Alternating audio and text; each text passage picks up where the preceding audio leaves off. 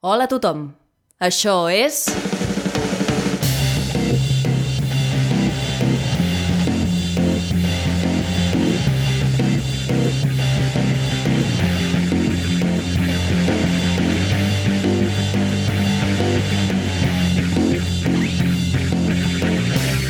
Verícid sulfúric. Avui a Verícid Sulfúric, L'ocell Valverda, adaptació d'un conte popular de Florència, escrit per Anna Ferrer Albertí, Vicent Ortega i Pau Pérez, amb Laia Garcia com a vinatera, Clara Esbarza com a reina, Vicent Ortega com a moliner i germà gran, Anna Ferrer Albertí com a molinera i germana, Pau Pérez com a rei i arbre que canta, i la col·laboració estel·lar de Laura Monedero com a flaquera, Àlex Molina com a servent i germà mitjà, David Belzunce com a ocell Valverda, Nerea Alfonso com a narradora i Adrià Vitoria, és a dir, servidor de vostès, com a ermità.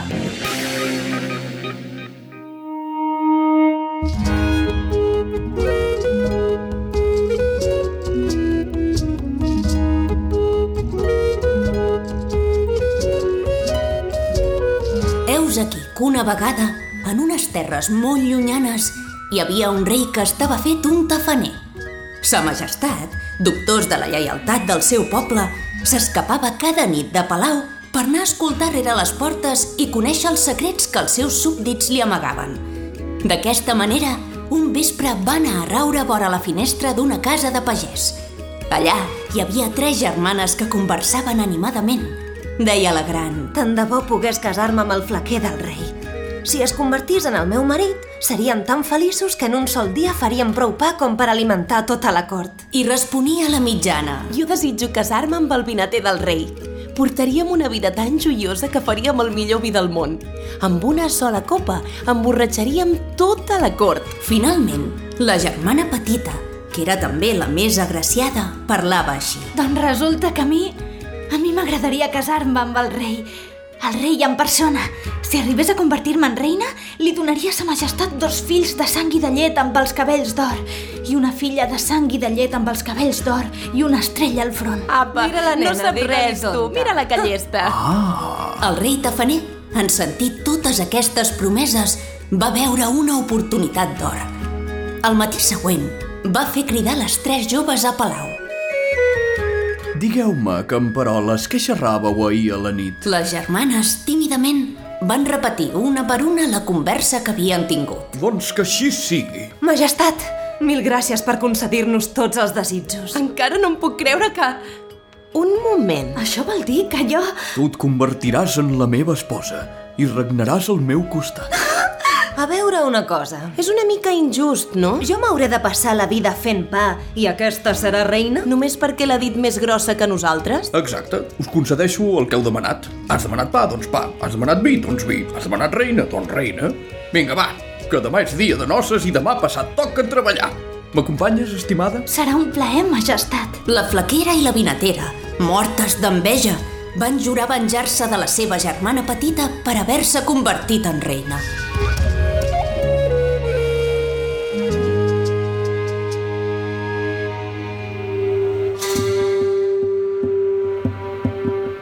Al cap d'uns quants mesos es va saber que la reina esperava el primer fill de sang i de llet que havia promès. Tota la cort comptava els dies per conèixer el nou príncep. I aleshores el rei va rebre una carta. Ai... Què passa? Que he d'anar a la guerra, he d'anar a la guerra. Ara resulta que he d'anar a la guerra. Una guerra, ara? Contra qui? Contra l'idiota del meu cosí. Però què li has fet? No ho sé, no ho sé. No cal fer-li gaire, aquest, perquè et declari una guerra. Però escolta, estic embarassada, no em pots deixar aquí tota sola. Carinyo meu, sóc el rei. No puc dir que no a una guerra. Estic segur que les teves germanes et cuidaran estupendament. I què passa si no hi ets quan neixi el nostre fill? Tornaré tan aviat com pugui. I ara veure on he fotut l'armadura, perquè ja fa temps que... Cago en l'hòstia, el meu cosí es nota que és fill de son pare. Imbècil, però imbècil. Eh, I, I així, el rei, ple de coratge i valor, disposadíssim a lluitar per defensar el seu regne, va marxar a terres llunyanes. Ara és la nostra nena. Ja veurem com surt aquest fill de sang i de llet. la reina va complir la seva promesa. Va donar llum un nadó sa i preciós, amb la pell blanca i els cabells d'or. Però les germanes... Oh, les germanes... Quan la reina descansava i encara no havia pogut veure el seu fill, elles van robar la criatura i la van canviar per un mico. I el bebè aquest el tirem al riu directament o què? Dona, ha de desaparèixer. Sí, això sí, però llancem el cistell al riu i prou o... Sí, a veure, acaba de néixer, no nadarà pas. Vale, vale. Molt seria que no es morís estant sol en un riu de nit, no? Que no, que sí que sí. Vale, vale, vinga, va. Una, dues i tres.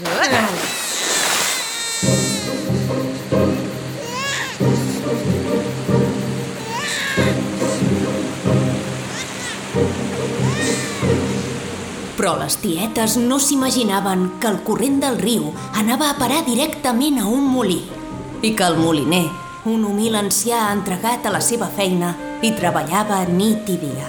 Oh, valga'm Déu, però què és això? Oh, no m'ho puc creure, però si és una criatura. Molinera! Molinera! Què? Què passa? Per fi les nostres pregàries han estat escoltades. El cel ens envia un nadó per criar-lo i, i estimar-lo com sempre hem demanat. Ai, ai, pugeu cap a casa de seguida.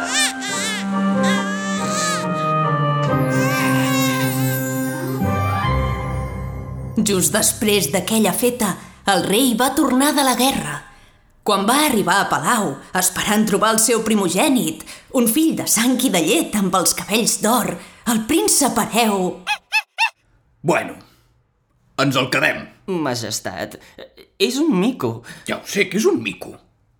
Penses que no ho veig? El príncep hereu no pot ser un mico, senyor. Que no? Ja ho veurem, això. És el meu fill, l'ha parit la meva dona i és el meu mico. Un mico no pot governar... Ja n'hi ha prou d'aquest color. És veritat que la reina no ha complert la seva promesa i haurem de parlar molt seriosament del que ha passat. Però de moment tenim un mico. I ja està. A dormir.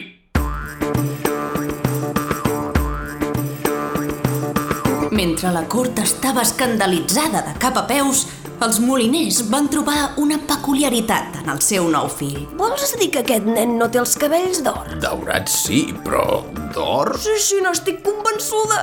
Estimat, podríem fer-nos rics amb els cabells d'aquesta criatura. Gràcies, gràcies al cel. I, a mesura que van passar els mesos, la reina va tornar a quedar embarassada. Carinyo, no t'ho creuràs. Què? Aquest papanates m'acaba de tornar a declarar la guerra. Però què li has fet? Res li he fet, no li he fet res. Me'n vaig. Que torno a estar prenyada. Cuida'n les teves germanes. I les tietes envejoses van tornar a fer de les seves.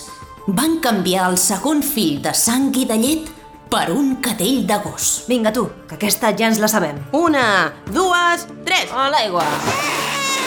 I els moliners van tornar a pensar que el cel escoltava les seves pregàries. Molinera, molinera, ha tornat a passar. I aquest també té els cabells d'or. I, és clar, el rei va tornar de la guerra. Mira, un gos ja... Un gos ja em costa, t'he de dir la veritat. No veig un gos amb una corona. Què voleu fer, majestat? Li donaré una última oportunitat a la reina i si no surt bé, aquí sí que ja... Uf, m'emprenyaré, eh? Els vostres desitjos són ordres, majestat. Tot això es va repetir. Es va repetir una tercera vegada. El teu cosí? El meu cosí, Déu. Déu, em cuiden. Aquest cop hi he fotut un tigre! D'aquesta sí que no passa. Un, dos, tres! Molinera. Una nena. Un tigre? Un tigre. Això no pot ser, això és una falta de respecte. I doncs, què fem? Que la reina quedi a càrrec de les seves germanes. Poden fer el que vulguin mentre jo no la vegi mai més. D'aquesta manera, el rei, sense dona i sense fills, va quedar trist per la resta dels seus dies.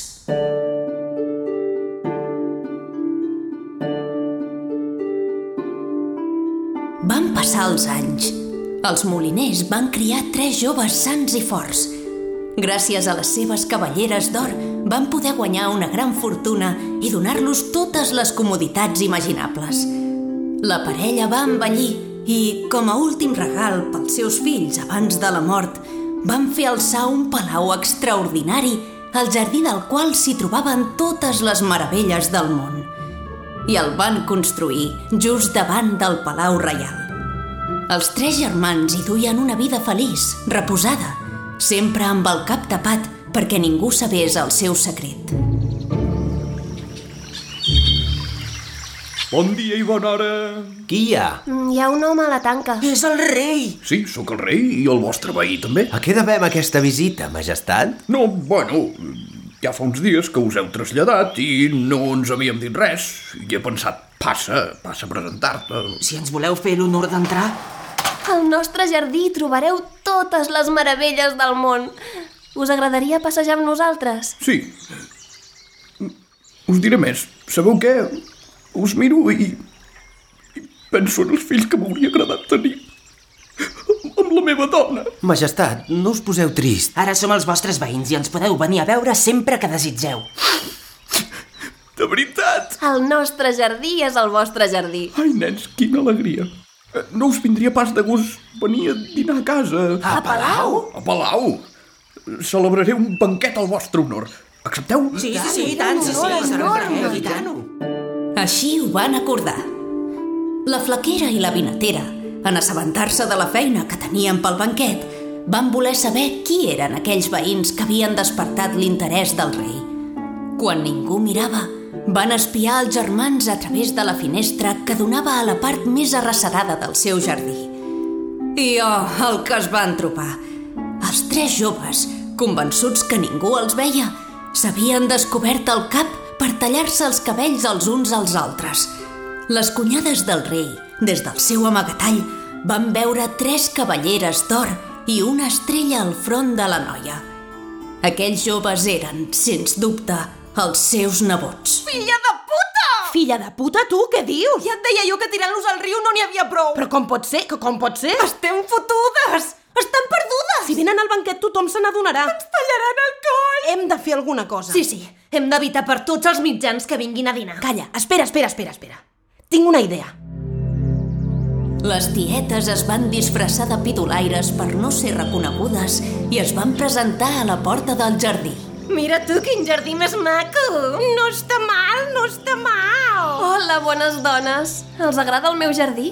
Saben que té totes les meravelles del món? Ah, sí? Totes les meravelles del món? I tant! Tenim la fruita més dolça, la gespa que fa pessigolles als pauets, les flors d'aroma infinita i els arbustos que riuen. Ah, i ja està? Dones, són totes les meravelles del món. Què vol dir? Que no tens l'aigua que balla. Ah, el què? L'aigua que balla, criatura. No pots dir que tens totes les meravelles del món si no tens una cosa tan bàsica com l'aigua que balla. Vaja, doncs... Doncs potser la podria tenir si volgués. Ui, no ho sé, eh? Diuen que està molt amagada. Sí, molt, molt lluny d'aquí. Així, doncs mirin, tornin demà i ja veuran. Ala, tu Ah, doncs com El vostè vulgui, és ple de senyoreta. Valents. El germà gran, en veure la noia desesperada, va prometre portar-li l'aigua que balla costés el que costés. Va pujar al seu cavall i es va llançar a l'aventura. Però, és clar, així no van poder anar a dinar a Palau. Bueno, caram, no, no passa res. Em feia il·lusió el banquet amb ells, però poden venir demà. No passa res, són gent jove, ocupada, però són veïns. Hi ha més dies que llangonisses. Ho deixem per demà i no se'n parli més.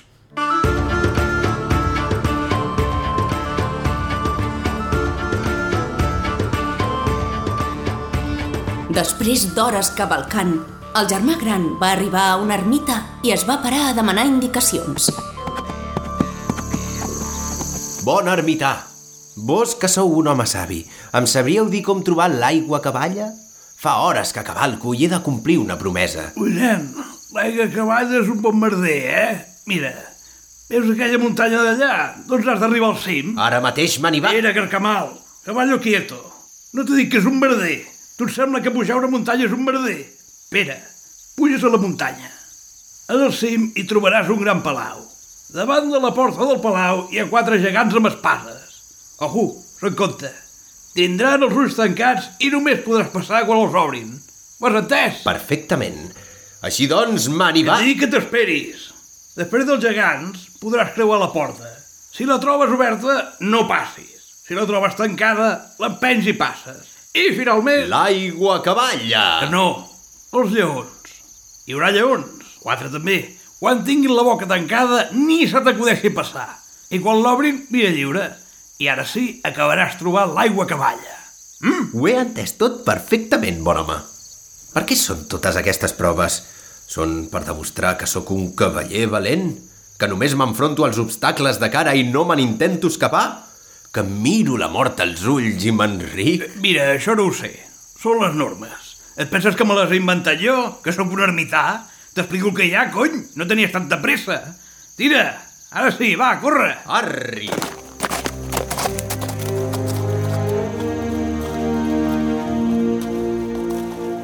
El germà gran va seguir al peu de la lletra totes les instruccions de l'ermità. Un cop va entrar al palau, va topar cara a cara amb un fenomen prodigiós, una sala guarnida amb només dos gibrells i un rajolí d'aigua que saltava alegrement de l'un a l'altre. El jove en va prendre unes gotes en una ampolla i se'n va tornar cap a casa.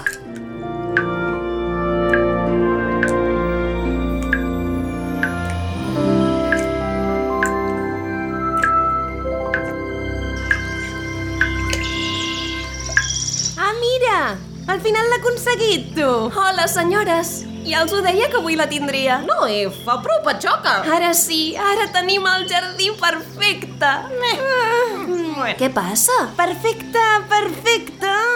Jo no sé si diria tant. I doncs, que no tens l'arbre que canta. No pots dir que tens totes les meravelles del món si no tens una cosa tan bàsica com l'arbre que canta. I on el trobarem? Ui, diuen que és molt lluny. I tant! Molt amagat en un lloc molt perillós. Doncs potser aquesta vegada també el puc aconseguir, d'acord? Tornin demà, ja veuran. Bueno, com tu vulguis. Endavant! Aquesta vegada fou el germà mitjà qui es va llançar a l'aventura empès pel desconsol de sa germana.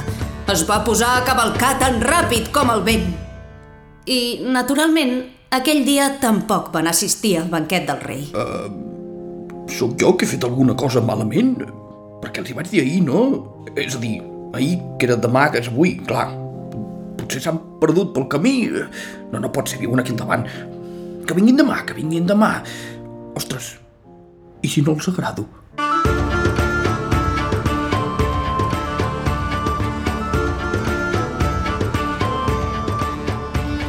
Després d'hores cavalcant, l'heroi va arribar a la mateixa ermita on s'havia aturat el seu germà. Bon senyor, vinc a matar els gegants i els lleons i totes les bèsties temibles que se'n posin per davant. Què mana? Doni'm les instruccions per arribar a l'arbre que canta. No em fa por vessar la sang dels meus enemics. Però què vols, tu? L'aigua que balla, també? No, aquesta ja la tenim. Li dic que m'enfrontaré al que sigui per aconseguir l'arbre que canta. Però que no t'has d'enfrontar ningú per trobar l'arbre que canta. No, però si el meu germà ahir... Ah, això és una altra cosa. Saps la muntanya del Palau dels Gegants, la porta i els lleons? Sí, sí. Doncs just al costat hi ha una altra porta. Una porteta. Així, com més modesta. De ben segur custodiada per un drac. Oh! Escolta'm, cony! No hi ha cap drac. Hi ha unes tisores. Unes tisoretes. Modestes també, així com la porta. Si estan tancades, no passes. Si estan obertes, pots passar. Senzill. Però les, les puc tancar si estan obertes? No. Tu mires i prou. Aleshores podràs creuar la porta i trobaràs el jardí de l'arbre que canta. Ja està. Què et sembla? Poca cosa, però així ho faré. Harry! La decepció que sentia el germà mitjà es va esvair de seguida que va entrar en aquell jardí encantat. Al vell mig d'un paratge majestuós s'alçava un arbre que cantava amb totes les seves fulles. Benvingut aventurer intrèpid, entra al meu jardí. Encantat, jo sóc l'arbre que canta,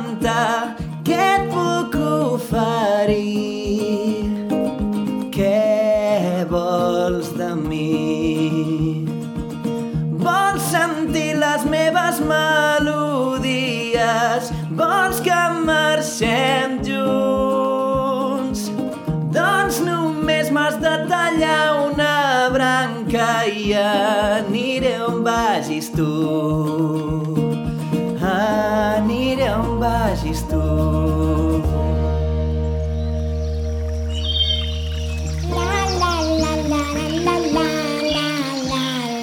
Mira el que simpàtic. I canta bé, eh? Llàstima que... Ai.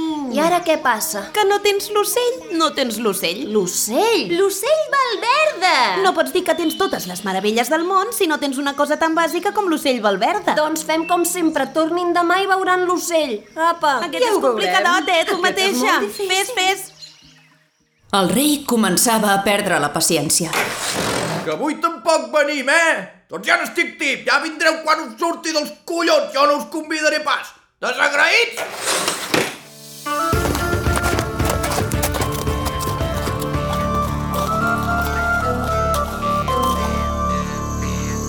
Ermità, Sant Tornem-hi, què mana? estic buscant l'ocell Valverda. Ara sí que l'hem fet de bona. L'ocell Valverde és molt perillós. El que sigui per fer feliç la meva germana. Doncs mira, saps arribar a la muntanya, saps entrar al palau.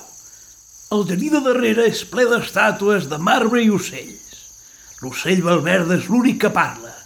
Vés amb molt de compte, perquè no li has de respondre res del que et digui. I ja està? Després d'haver-me enfrontat a gegants i lleons i... Calla! L'ocell Valverde és un fill de puta com n'hi ha pocs. Fes-me cap. Però- Veus? És que no calles ni sota l'aigua, nen. Estàs condemnat, ja t'ho dic ara. D'acord, d'acord. Arri! N'ha arribat un altre! N'ha arribat un altre! Eh, Bon dia, com estàs? Bon dia! Ah, Què vols parlar? Oh, ves que vinc, ves que vinc! Un secret, un secret! Escolta, xato, escolta'm bé. Que sàpigues que ets el fill legítim del rei i la reina. Les malparides de les teves ties et van llançar al riu perquè t'ofeguessis, i si el moliner no t'hagués trobat ara series mort. La teva mare biològica està emparedada a les masmorres de Palau i només ho saben les seves germanes. L'han estat torturant durant dècades. Quan vas néixer et van canviar per una bèstia i el rei se la va quedar. Tothom ho sap, però ningú ho diu. El príncep hereu és un mico. Un mico? Malgrat les advertències de l'ermità, el germà gran va caure al parany de l'ocell Valverda. Tan bon punt va pronunciar aquelles paraules, es va convertir en pedra. Va passar a ser una estàtua més, envoltat d'altres cavallers que havien buscat l'ocell i patit la mateixa sort.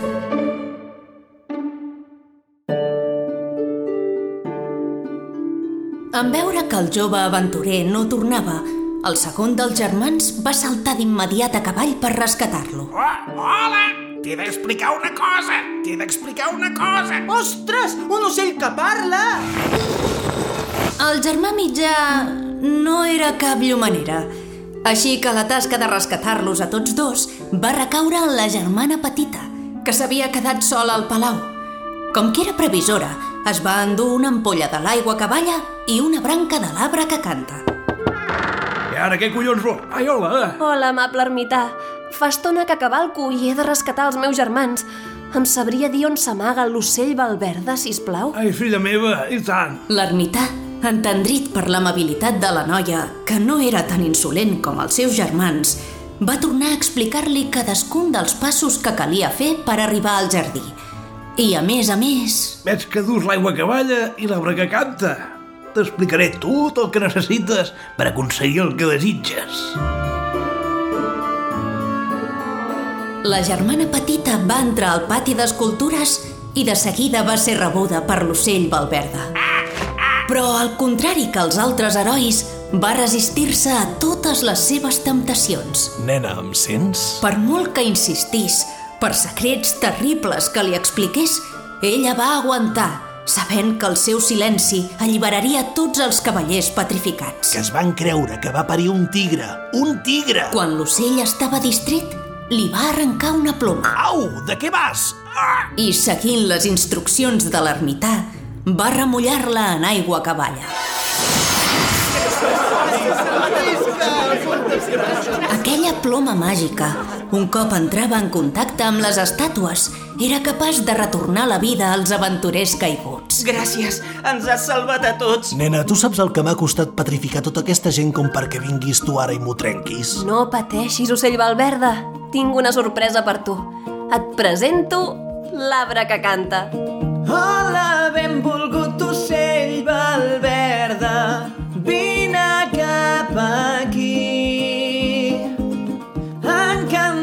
sóc l'arbre que canta i podem ser amics, bons amics.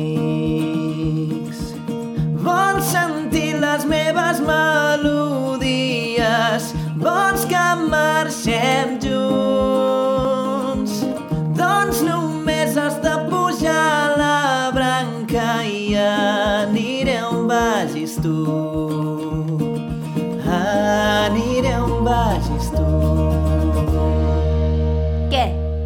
Vols acompanyar? Mm, bé, de moment deixa'm provar de pujar la branca.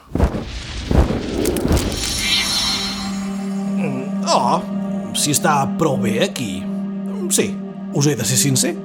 Es planteja un nou panorama bastant interessant, si em permeteu dir-ho. Si em permeteu que ho comenti.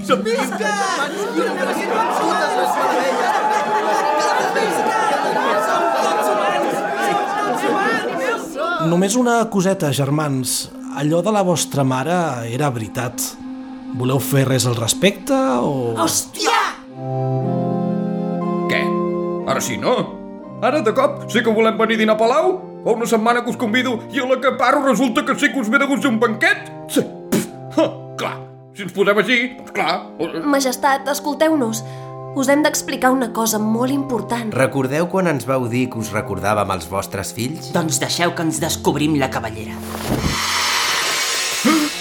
Com? No pot...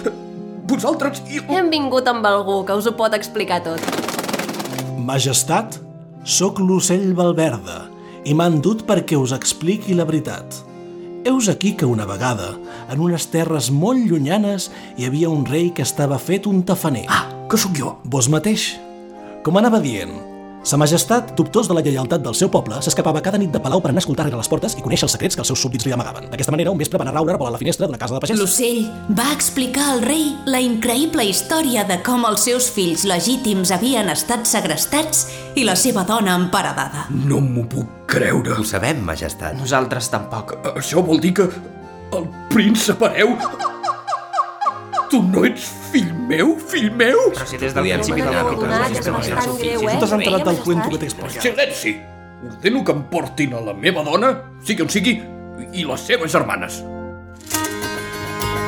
Gràcies als poders curatius de l'aigua que balla, la reina va quedar com nova després d'un sol bany i es va poder reunir amb la seva família. I les germanes... Què en fem, ocell Valverda?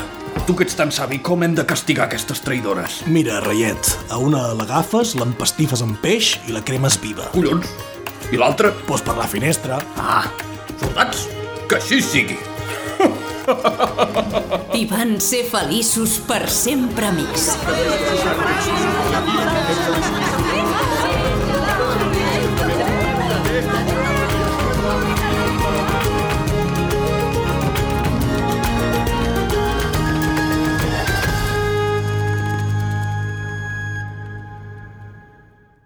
Um, per cert que tot això està molt bé, eh? però, però la corona encara la porta el mico. Gràcies per escoltar Verícid Sulfúric. Pots trobar totes les novetats a Instagram, Facebook i Twitter sota el nom Verícid Sulfúric. A més, recorda que pots donar-nos suport a patreon.com barra Verícid Sulfúric.